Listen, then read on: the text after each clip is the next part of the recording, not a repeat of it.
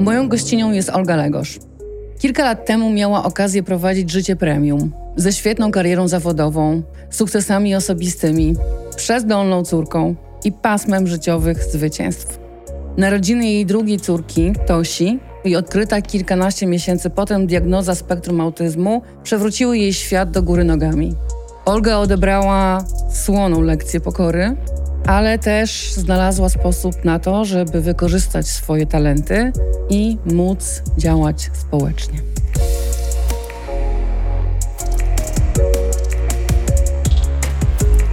Cześć Olga. Cześć Ela. Masz podwójne doświadczenie matczyne.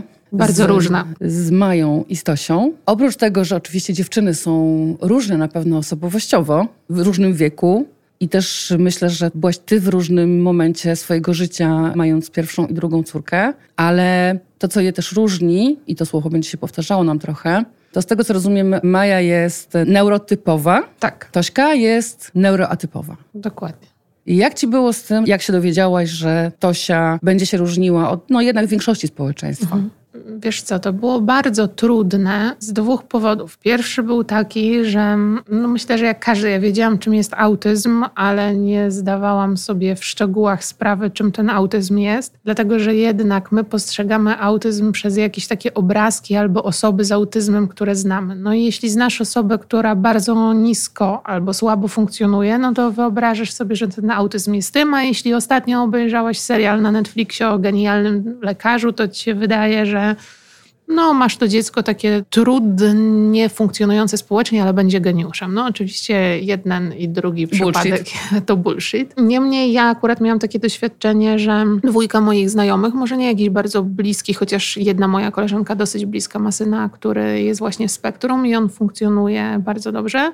Drugi kolega ma córkę już dzisiaj nastoletnią, która funkcjonuje bardzo niesamodzielnie, jest mimo swoich kilkunastu lat dalej niewerbalna, a mam świadomość, jak dużą pracę w jej terapię włożył. To znaczy, on i jego żona po prostu naprawdę zbudowali sale terapeutyczne, jeździli po całym świecie, ściągnęli najlepszych terapeutów, postawili tej córce szkołę mimo ich ogromnych prób, to dalej ich córka jest po prostu niesamodzielna. Ona oczywiście zrobiła pewien postęp, ale już jakby tej szansy na takie samodzielne życie nie ma. Więc jak ja się dowiedziałam, że Tosia ma autyzm, no to oczywiście w swojej głowie manewrowałam pomiędzy tymi dwoma obrazami. Michała, który chodzi do obecnie do liceum, ale wtedy był w podstawówce i sobie po prostu bardzo dobrze radził. Oczywiście ze wszystkimi wyzwaniami związanymi z neuroróżnorodnością, ale dla mnie bardzo dobrze z Zosią, która no po prostu widziałam jej rodziców, widziałam jak jest jej trudno. I jednocześnie miałam Tośkę, która w momencie diagnozy to się miała dwa lata, więc to dosyć wcześnie jak na diagnozę. Tak się mówi u nas, że wcześniej, chociaż są ośrodki, które w ogóle diagnozują do drugiego roku życia, czyli to jest znowu pewien bullshit zakładający, że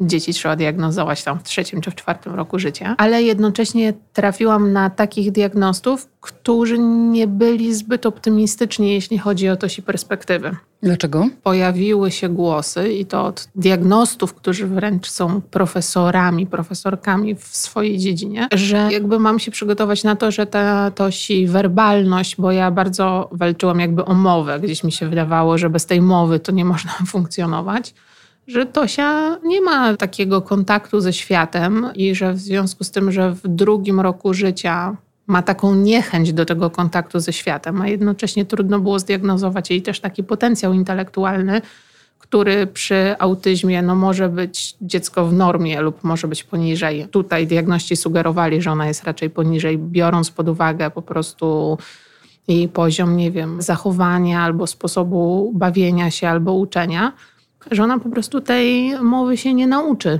W związku z tym no było mi w mojej głowie, w tym obrazie i tego, co wówczas widziałam, dużo bliżej do Zosi niż do mhm. tego funkcjonującego Michała. Ja tak mówię obrazkami, ale to jest to, co dokładnie wtedy miałam w głowie. No i ja robiłam diagnozę w dwóch miejscach. Jakby nie miało to uzasadnienia żadnego, żeby w dwóch, ale chciałam się po prostu upewnić, miałam taką możliwość prywatną, żeby to zrobić. No i w jedno, właściwie jedno i drugie miejsce dało mi ten sam feedback, że to jest bez wątpienia autyzm, A jeśli chodzi o poziom funkcjonowania dziecka, no to zawsze jest tak, że jest terapia i ta terapia może wiele zmienić. Natomiast, żebym nie patrzyła na to zbyt optymistycznie i właśnie nie szukała tych przykładów w genialnym lekarzu, bo tutaj trzeba raczej pracować nad mową alternatywną w przypadku Tosi niż nad logopedą, który uczy ją dykcji bo to się po prostu nie mówiła żadnego słowa i nie chciała się też tych słów w żaden sposób uczyć. Więc to było dla mnie bardzo trudne, choćby też z tego powodu, że ja miałam to macierzyństwo z Majką skrajnie różne. To znaczy, Majka była po prostu takim dzieckiem, które uczyło się wszystkiego bardzo szybko. Na tle grupy wręcz to ona była tym dzieckiem zawsze, które miało 4 lata i znało literki, liczyło, dodawało, czytało książeczki, niż tutaj dwulatka, która po prostu żyje w kontakcie ze sobą Oczywiście rozpoznaje jakichś bliskich, w tym mnie, bo Tośka była bardzo mocno ze mną związana, ale te jej okazywanie miłości czy uczuć no było po prostu trudne, bo ona to robiła w taki inny sposób niż ja do tego przywykłam, więc rozpoczęła się właściwie trochę taka, na samym początku nazywałam to walka z autyzmem, bo bo wydawało mi się, że ja mogę po prostu wygrać z nim. Samym zaburzeniem, tak? Z samym zaburzeniem, mhm. tak. Jakoś tak ciągle do tego podchodziłam jak do choroby, chociaż ja wiem i wiedziałam od samego początku, że autyzm to nie jest choroba, że to nie jest coś, co możemy wyleczyć, ale jednocześnie miałam w sobie takie jakieś przekonanie, że to jest moje dziecko, a ja je muszę ochronić od tego, co ten autyzm Mu będzie robi. jej robił. I oczywiście to też był błąd, no bo ten autyzm to ona. Natomiast to, co na pewno było w tym pozytywne, to jednak moje takie trochę doświadczenia, które były po stronie biznesowej. I tak się złożyło, że ja akurat w swoim życiu, w swojej karierze zawodowej kilka razy miałam możliwość bycia postawiona jako lider pewnego projektu, którego nikt wcześniej w danej organizacji nie zrobił. Nie było nawet takiego doświadczenia, żeby ktoś ten projekt zrobił w Polsce. A ja korzystałam ze swojej niewiedzy tego, że ja nie wiedziałam, że tego się nie robi, więc ja ten projekt po prostu robiłam. To doświadczenie korporacyjne nauczyło mnie tego, że ja jak nie wiem, jak coś zrobić, to jednocześnie mam w sobie tak silną motywację, że umiem ułożyć ten proces, że szukam, że nie jestem ograniczona tylko do jakiegoś best practice w Polsce, tylko szukam też za granicą i mam tak wysoką motywację, że ja to po prostu realizuję. No i dokładnie w ten sam sposób podeszłam do tej tosi terapii. Powiedziałam, że okej, okay, słyszę, co tutaj do mnie mówicie, wiem, do jakich ośrodków mnie kierujecie. Ja sobie przeszłam po tych przedszkolach terapeutycznych, zobaczyłam je, popatrzyłam sobie na te smutne sale i smutne wykładziny. Pomyślałam sobie wówczas, że ja bym do takiego przedszkola, które właśnie odwiedzam w przypadku Tosi, nigdy wcześniej nie zapisała Mai bo ja wiedziałam, jakimi kryteriami szukałam przedszkola dla Mai, że to miało być ładne przedszkole z językiem, z ogrodem, z dużą ilością czasu na zewnątrz. Patrzyłam, jakie zajęcia dodatkowe są w tym przedszkolu. No po prostu przypominałam sobie, jakimi kryteriami wybierałam placówkę dla Majki. A potem sobie pomyślałam, dlaczego ja muszę dla Tośki wybierać tymi innymi kryteriami blisko grupa cztero czy sześcioosobowa, ale ciągle ten sam schemat jakby szarej i smutnej wykładziny. No i wtedy sobie podjęłam decyzję, że nie ma jakby wokół mnie takiej oferty, która przekonałaby mnie, że to jest dobre miejsce na dzieciństwo mojej córki, w którym ona jednocześnie, że spełni to dzieciństwo, no to będzie jeszcze w procesie terapii. I wtedy podjęłam taką decyzję, że jak go nie ma, to se zrobię. To se zrobię. jak, to, jak domyślam się, że z pojawieniem się Tosi, ale też właśnie tych wyzwań, które wiązały się z jej, no z jej życiem, tak? ze spektrum, którym ona jest i to jej towarzyszyło, i twoją decyzją o otworzeniu przedszkola, o czym za chwilę porozmawiamy. Wcześniej miałaś tą swoją właśnie korpo karierę, mhm. niemałą, fajne rzeczy, tak jak mówisz, właśnie bardzo takie no, zajebiste, ekscytujące projekty no to jest zupełnie inny świat. I wcześniej też miałaś doświadczenia macierzyńskie z Majką, które były, no też znowu słucham o nich i myślę sobie, to są takie doświadczenia, które każdy rodzic chce mieć. No, to tak, to były takie doświadczenia, wiadomo, to ja było takie wrażenie, doświadczenie że... premium. No tak, właśnie, jakbyś prowadziła życie premium i teraz absolutnie nie umniejszając tośce, jakbyś dostała po prostu ostrzała od życia, który teraz mówi, ty się teraz pokory będziesz uczyła. Ale dokładnie tak trochę było, wiesz, ja przez to, że ja tą karierę robiłam jako młody człowiek i tak trochę w opinii innych byłam wpychana w tą szufladkę, no nasza młoda, zdolna, genialna talent, idzie. Talent, talent tak. Zawsze, talent. talent. Właśnie, zawsze top talent i zawsze w Young e, top talent. I potem Majka szła trochę moją taką ścieżką i oczywiście było mi bardzo miło, no bo to geny, prawda? Ja, ten mhm. top talent, no i moje geny również w top talent. No i nagle była ta Tosia, która tak nie bardzo nie bardzo wówczas pasowała mogłam, do foremki, tak, do pasowała talentu. do foremki. Odeszłam z życia korporacyjnego chwilę przed diagnozą Tosi, chociaż ja już wiedziałam, że coś z Tosią jest nie tak. Więc po prostu na samym początku nie wiedzieliśmy, że to jest ten autyzm. Natomiast Tosia miała bardzo duży lęk separacyjny. W którymś momencie on się po prostu pojawił. To znaczy ona jakby funkcjonowała. Ja po Tosi na rodzinach wróciłam dosyć szybko do pracy i ona bardzo dobrze funkcjonowała z tym moim powrotem. A potem około 18 miesiąca życia coś po prostu się w niej zmieniło. Czyli każde moje wyjście, nieobecność dłuższa i tak dalej, ona to bardzo przeżywała. I przeżywała to jeszcze w taki sposób, że była w stanie po prostu kontrolować swoje ciało, czyli na przykład się nie wypróżniała albo nie jadła. Mimo, że była bardzo małym dzieckiem, to jakby była w stanie z tym podsterować. I oczywiście dyskusyjne jest to, na ile ona robiła to świadomie, na ile po prostu psychika jest połączona w całości z organizmem.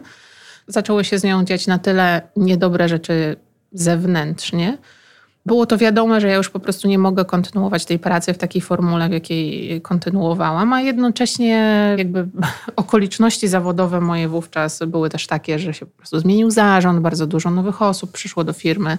I ja już jakby czułam, że może to właśnie jest to miejsce, żeby odejść, żeby pobyć z tą Tośką, z którą... Trudno było ci zrezygnować z tego świata, który znałaś? Wiesz co, w momencie, w którym zrezygnowałam, nawet nie, bo ja wówczas nie wiedziałam, że ja rezygnuję na tak długo. Mhm. Mi się po prostu wydawało, że okej, okay, byłam w tej firmie, zrobiłam tą karierę, mam ze sobą dobre doświadczenia, po prostu nie wykorzystałam, bo ja wcześniej niż z końcem urlopu macierzyńskiego wróciłam do pracy, no to tak sobie w głowie trochę tłumaczyłam, że ja teraz mam jakby te zaległe kilka miesięcy, w związku z tym ja odejdę, dobrze się składa, bo w tej pracy tak już niespecjalnie chcę w tym miejscu być.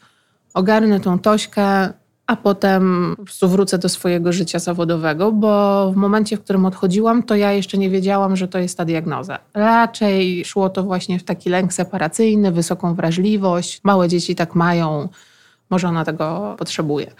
No więc w momencie odejścia nie było mi tak bardzo trudno. Dużo trudniej było w momencie, kiedy zrozumiałam, jakby już po diagnozie, czym ten autyzm jest i też tym, że mnie uświadomiono, diagności Tosi byli z jednej strony dosyć brutalni w tym, co... Uczciwi. Tym, uczciwi, tak? W tym, co mówili. Z drugiej strony o tyle się dobrze stało, że mówili to w ten sposób, oni mnie pozbawili pewnych złudzeń, że to jest coś, co może oni dostrzegają, albo może coś, co się zmieni, albo że się szybko zmieni. Ja po prostu zrozumiałam, że to nie jest gra na krótką piłkę, tylko że to jest coś, co będzie z nami po prostu przez całe życie, na długie lata. I że te postępy, o które ja będę walczyć, to nie będą łatwe zwycięstwa i one nie będą przychodzić wcale szybko. Więc to był ten moment, w którym ja sobie zdałam sprawę, że będzie mi po prostu trudno. Szczególnie, że to się wówczas nałożyło z tym, że ja się po prostu rozstałam z tatą Tosi. Więc miałam takie poczucie, że w ogóle całe życie mi się zawaliło, no bo zmieniłam życie zawodowe, zmieniłam życie prywatne i jeszcze mam córkę, która ma autyzm i muszę się z tym zmierzyć w taki sposób dla siebie nowy, no bo nie znam po prostu tego obszaru a intuicyjnie te porady, które dostaję i te miejsca, które mogłyby mi pomóc, po prostu odrzucam jako miejsce, w którym chciałabym widzieć swoje dziecko. Wtedy przedszkole? I wtedy postanawiam, że założę to przedszkole sama. Spotykam zresztą Magdę, o której rozmawiałyśmy, Magdę Kawę. Magda ma wieloletnie doświadczenie w pracy z dziećmi z autyzmem. Jest związana wówczas z placówką, która ze względów jakby różnych, jej też prywatnych, ona musi z tej placówki odejść. Więc myślimy sobie, dobrze, no to ja to zorganizuję organizacyjnie, a Magda temu nada taki sznyt po prostu terapeutyczny, no bo ja o tym nie mam żadnego pojęcia. No i zaczynam po prostu otwierać placówkę, nie wiedząc o tym nic, jak się prowadzi przedszkole, jakie wymagania trzeba spełnić. To był podobny projekt do tych w pracy wcześniej, w korpo pracy? Tak z perspektywy Wiesz co, z perspek- trudności? Z perspektywy trudności muszę powiedzieć, że chyba tak. Znaczy, mnie oczywiście frustrowały rzeczy, bo ja byłam przyzwyczajona, że ja przenoszę duże góry, a tutaj było trzeba poprzenosić mniejsze góry, czyli tak jakby pracować bardzo, bardzo operacyjnie przy tym. Oczywiście nie będę ukrywała, że te lata mojego funkcjonowania w korporacji i też funkcjonowania w Warszawie na pewno wiele rzeczy ułatwiały. No bo jak ktoś mi mówił, że czegoś się nie da, bo jest potrzebna, nie wiem, zgoda, na przykład, żeby otworzyć placówkę w ciągu roku terapeutyczną, no to trzeba dostać zgodę rezydenta, w tym przypadku miasta, żeby taką zgodę na uruchomienie wcześniejszej dotacji niż 1 stycznia, a ja potrzebowałam uruchomić akurat swoją placówkę wcześniej, bo nie mogliśmy tyle czekać. Tak? No i wydawało się to po prostu takim punktem, który będzie niemożliwy do przejścia. No ja sobie, no jak to niemożliwe do przejścia? No co z tego, że ktoś jest prezydentem, czy ktoś jest wiceprezydentem? No po prostu no jest to włodarz miasta, ale można do niego napisać, można poprosić o spotkanie, można napisać jakieś podanie. I wtedy osoby, które były ze mną, były takie trochę, czy ja nie przesadzam ze swoim optymizmem, ale ja z kolei ze swojego doświadczenia dotychczasowego, korporacyjnego nie miałam jakby pewnego stresu z tym, że ja idę do prezydenta miasta. No wcześniej chodziłam do ministra skarbu, no to teraz sobie Dało się. mogę się umówić, tak? Dokładnie. Czyli i dokładnie to w ten sam sposób po prostu robiłam. I taką ścieżkę ja przeszłam po prostu ileś razy, no bo wynajęłam budynek. Okazało się, że w tym budynku jest studnia. Nam była poprzednia ambasada Kolumbii. Niby budynek był dostosowany, ale w budynku była studnia. Nie można mieć przedszkola w miejscu, w którym jest studnia. Jeszcze dodatkowo ta studnia wyschła, jak my akurat mieliśmy się otwierać, więc musieliśmy podłączyć po prostu budynek pod wodę. Tak ciągle mówimy o Warszawie i trudno uwierzyć, ale Trudno. Moż, można w Warszawie mieć budynek poza wodociągami. No i znowu potrzebny był projekt, uchwała, przyjęcie przez wodociągi, zatrzymanie na pewien czas ruchu ulicznego, żeby wszyscy mogli się tam przekopać. A mówimy ciągle o jakichś trzech miesiącach, w których ja to przedszkole otwieram, bo to nie jest tak, że to trwało latami, to Brzmi trwało to- miesiącami. Brzmi to jak bardzo, bardzo, bardzo skomplikowany i trudny projekt. I o ile jestem pewna, że z tymi rzeczami takimi właśnie merytorycznymi i tymi trudnościami, które mogły widzieć też inne osoby, w stylu właśnie jak to załatwia prezydent, to idźmy do niego. Ja bym pewnie też tak zrobiła. To tutaj nie mam wątpliwości, że radziłaś sobie świetnie. Natomiast zastanawiam się, jak było łatwo albo trudno i z perspektywy zdobywania wiedzy, ale też czy to było dla ciebie łatwe emocjonalnie, jakby uczyć się i dowiadywać, jak nasz system miejski, państwowy, edukacyjny, czy wspierający albo nie wspierający, traktuje Twoje dziecko i inne podobne mu dzieci. Czy to było proste, łatwe, czy niekoniecznie? Wiesz co, ja dzisiaj już taką perspektywę zresztą zawsze ją miałam, że mnie de facto zaskoczyło, jak dobre finansowanie mają dzieci z diagnozą autyzm, bo to są wysokie kwoty. To, co mnie rozczarowało w tym systemie, to jest to, jak placówki, które korzystają z tych dotacji, w sposób nierówny i wręcz bym powiedziała patologiczny z tego dofinansowania korzystają. Dlatego, że sama kwota dofinansowania na jedno dziecko w przypadku placówki prywatnej jest bardzo wysoka. To jest 5 tysięcy złotych miesięcznie, więc żyła złota, słuchaj. za tą kwotę dokładnie można naprawdę bardzo duże rzeczy zorganizować.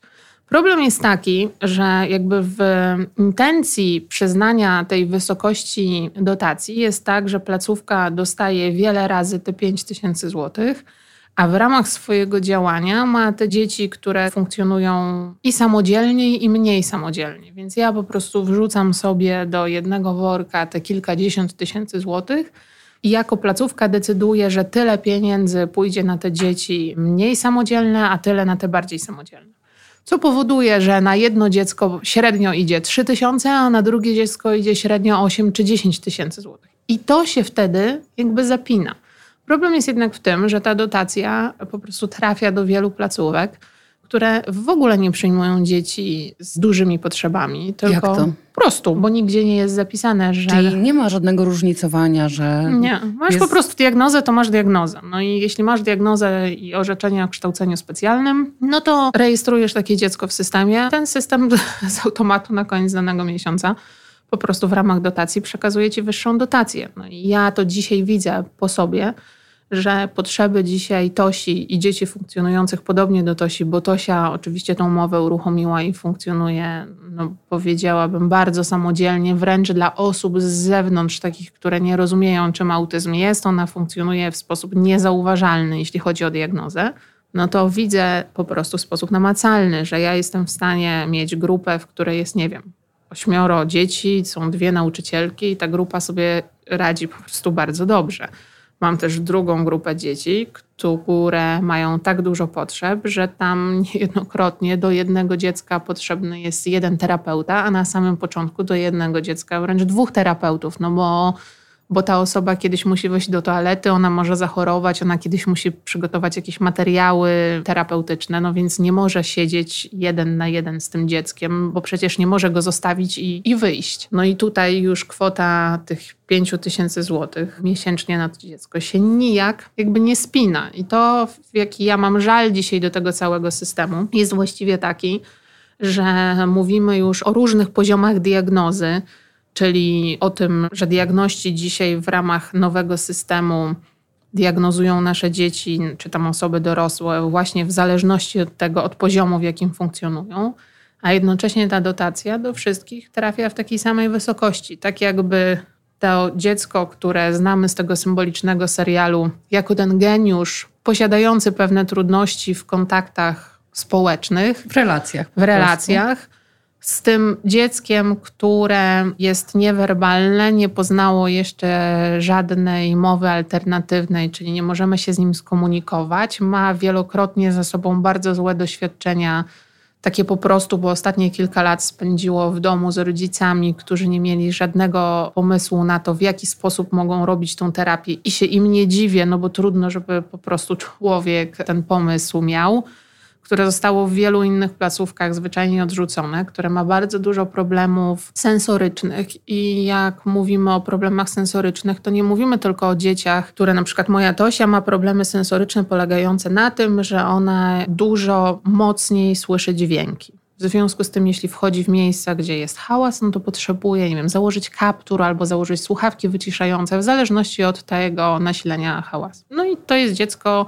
które ma potrzeby sensoryczne. Ale po drugiej stronie mamy na przykład takie dzieci, które, żeby dostymulować same siebie, bo tak nie czują różnych innych doznań, doświadczyły tego, że jedyny sposób, w jaki czują, to jest ból. I same sobie ten ból sprawiają. Na przykład wygryzając dziury w swoich rękach. Więc mamy dzieci, które trafiają w pierwszym procesie terapeutycznym, tutaj od palca, czyli właściwie od ręki, mają nałożony gips. Nie dlatego, że coś jest złamane, tylko dlatego, że to jest jedyny sposób, żeby wygoiły się pod spodem rany, które to dziecko samo sobie zadało, żeby po prostu dostymulować się sensorycznie, a jednocześnie no, nie ma pomysłu na to na początku w terapii, które to dziecko trafia do nas w takim stanie, jakby co z tym zrobić, bo wiadomo, że jest to proces jakby zaufania, złapania kontaktu z terapeutą, poznania potrzeb przez terapeutę integracji sensorycznej, jakby wyprowadzenia go ze stanu, w którym ono do mnie trafia. No i trudno, jak położymy dwójkę tych dzieci koło siebie, czyli to dziecko,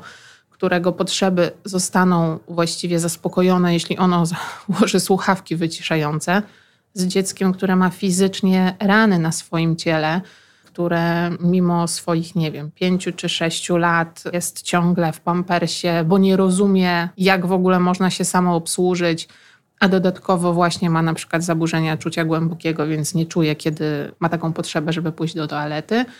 A to, co sobie sprawia, to nie wiem, to wygryza właśnie dziury w ręce, czy wyrywa sobie włosy. No i teraz jedno i na drugie dziecko jest takie sama dotacja. To jest po prostu pewien absurd, bo Absurdem jest to właściwie, że placówki tą sytuację bardzo często, gęsto wykorzystują.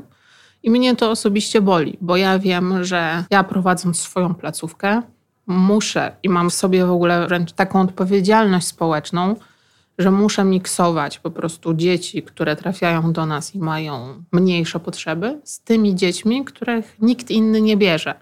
I że dopiero wrzucenie tych wszystkich pieniędzy do środka sprawia, że jedni i drudzy mają po prostu szansę na terapię. Jeśli ja organizowałabym to przedszkole właściwie na zasadzie sernika, wybierając sobie z niego tylko rodzyneczki, no to moje przedszkole ma formę organizacyjną fundacji. równie dobrze mogłoby być spółką. No i wtedy do takiego przedszkola dotacja nagle staje się po prostu środkiem finansowania placówki, szczególnie jeśli to jest przedszkole po prostu ogólnodostępne, jakieś integracyjne. No i mamy sytuację, w której w grupie jest załóżmy 15 osób. No i na taką grupę powinny być zatrudnione dwie panie. Właściciel przedszkola myśli sobie, dobra, dołączę jedno dziecko jakieś wysoko funkcjonujące, to jedną panią zatrudnię do grupy z czesnego tych dzieci, a drugą zatrudnię z dotacji. W praktyce ta pani z dotacji, no ją jakby finansuje dotację tego dziecka, zajmuje się całą grupą.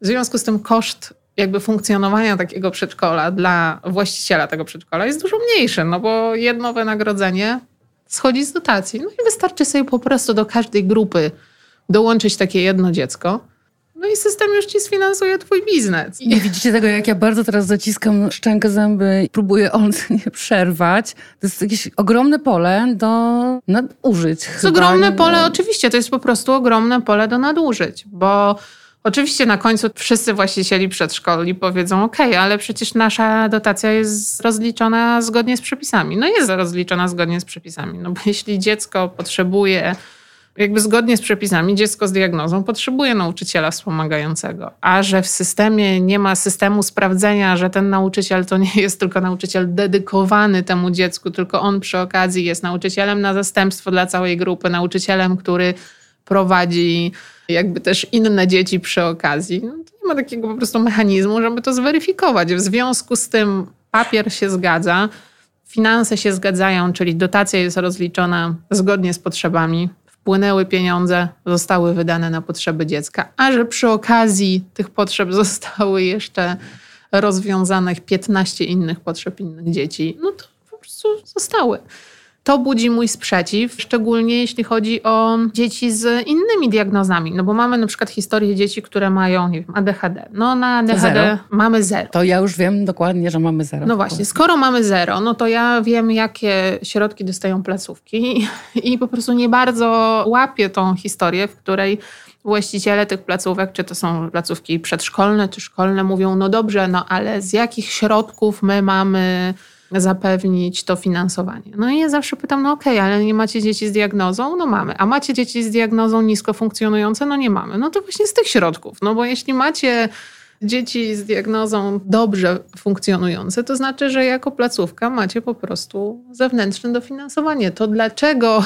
w ramach tych potrzeb nie zapewnić dzieciakom jakiegoś wsparcia, na których tej diagnozy nie ma? I teraz ta kwota jest kwotą niską, jeśli chodzi o osoby z dużymi potrzebami, jest kwotą wysoką, jeśli chodzi o osoby z niskimi potrzebami. Więc jeśli po drugiej stronie nie stoi ktoś, kto ma w sobie pewne cele społeczne i po prostu czuje tą misję, ja ją czuję, że tak jest sprawiedliwie, żeby w tym garnku po prostu zamieszać i trochę być tym Robin Hoodem, który symbolicznie zabiera bogatym i oddaje biednym. Oczywiście symbolicznie, bo ja rozumiem, że wszystkie te dzieci mając diagnozę, są w jakiś sposób nieuprzywilejowane, to robi się z tego jakby niefajna rzecz. Ja już poza wszystkim w ogóle uważam, że nie powinniśmy mieć czegoś takiego jak szkoły prywatne i przedszkola prywatne. Bardzo przekonuje mnie system skandynawski żeby jednak prowadziły to organizacje non-profit, czyli co najmniej fundacje w takim systemie, żeby po prostu zysk wypracowany zostawał w placówce, która opiekuje się. Która się tym opiekuje i po prostu był przeznaczany na potrzeby tej placówki. Wtedy mielibyśmy po prostu wszystkie dzieci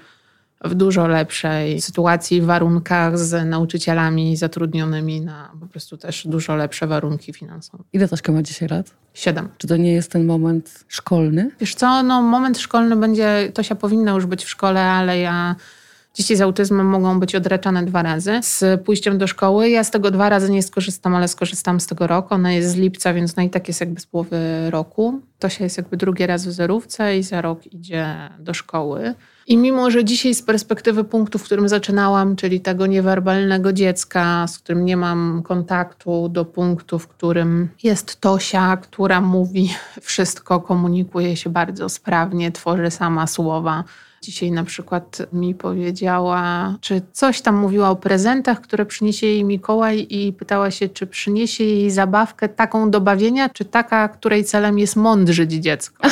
Więc rozumiem, że edukacyjna, czyli mądrzenie dziecka. Piękne, mądrzenie dziecko. To wiem też, że jakby przede mną jest jeszcze bardzo, bardzo długa droga. Ktoś się mnie pyta, jak widzę dzisiaj przyszłość Tosi, to ja jeszcze nie jestem w stanie powiedzieć, jak widzę przyszłość Tosi, no bo bo ja wiem, że ona już dzisiaj jest werbalna i oczywiście to wygląda dużo bardziej optymistycznie. I kiedyś mówiłam, że się bardzo cieszyłam, jak się nauczyła liczyć do pięciu, bo pomyślałam sobie, że nie ma niczego więcej niż pięć. Znaczy, że po prostu w codzienności swojej najczęściej używamy liczebnika do pięciu. No ile tak. mogę kupić bułek, kilogramów truskawek, Śmieje się mieć mężów, dzieci. No zwykle do pięciu to prawda. To, to, Prze, tak, tak. przeliczenie Magiczna liczba. nam wystarcza. No ale wiemy, że do takiego funkcjonowania samodzielnego pod tytułem skończyć szkołę, pójść do jakiejś pracy, zarabiać samemu na siebie, no to liczenie do pięciu niespecjalnie wystarcza. Więc ja też nie wiem, w jaki sposób to się przejdzie przez swój system edukacyjny.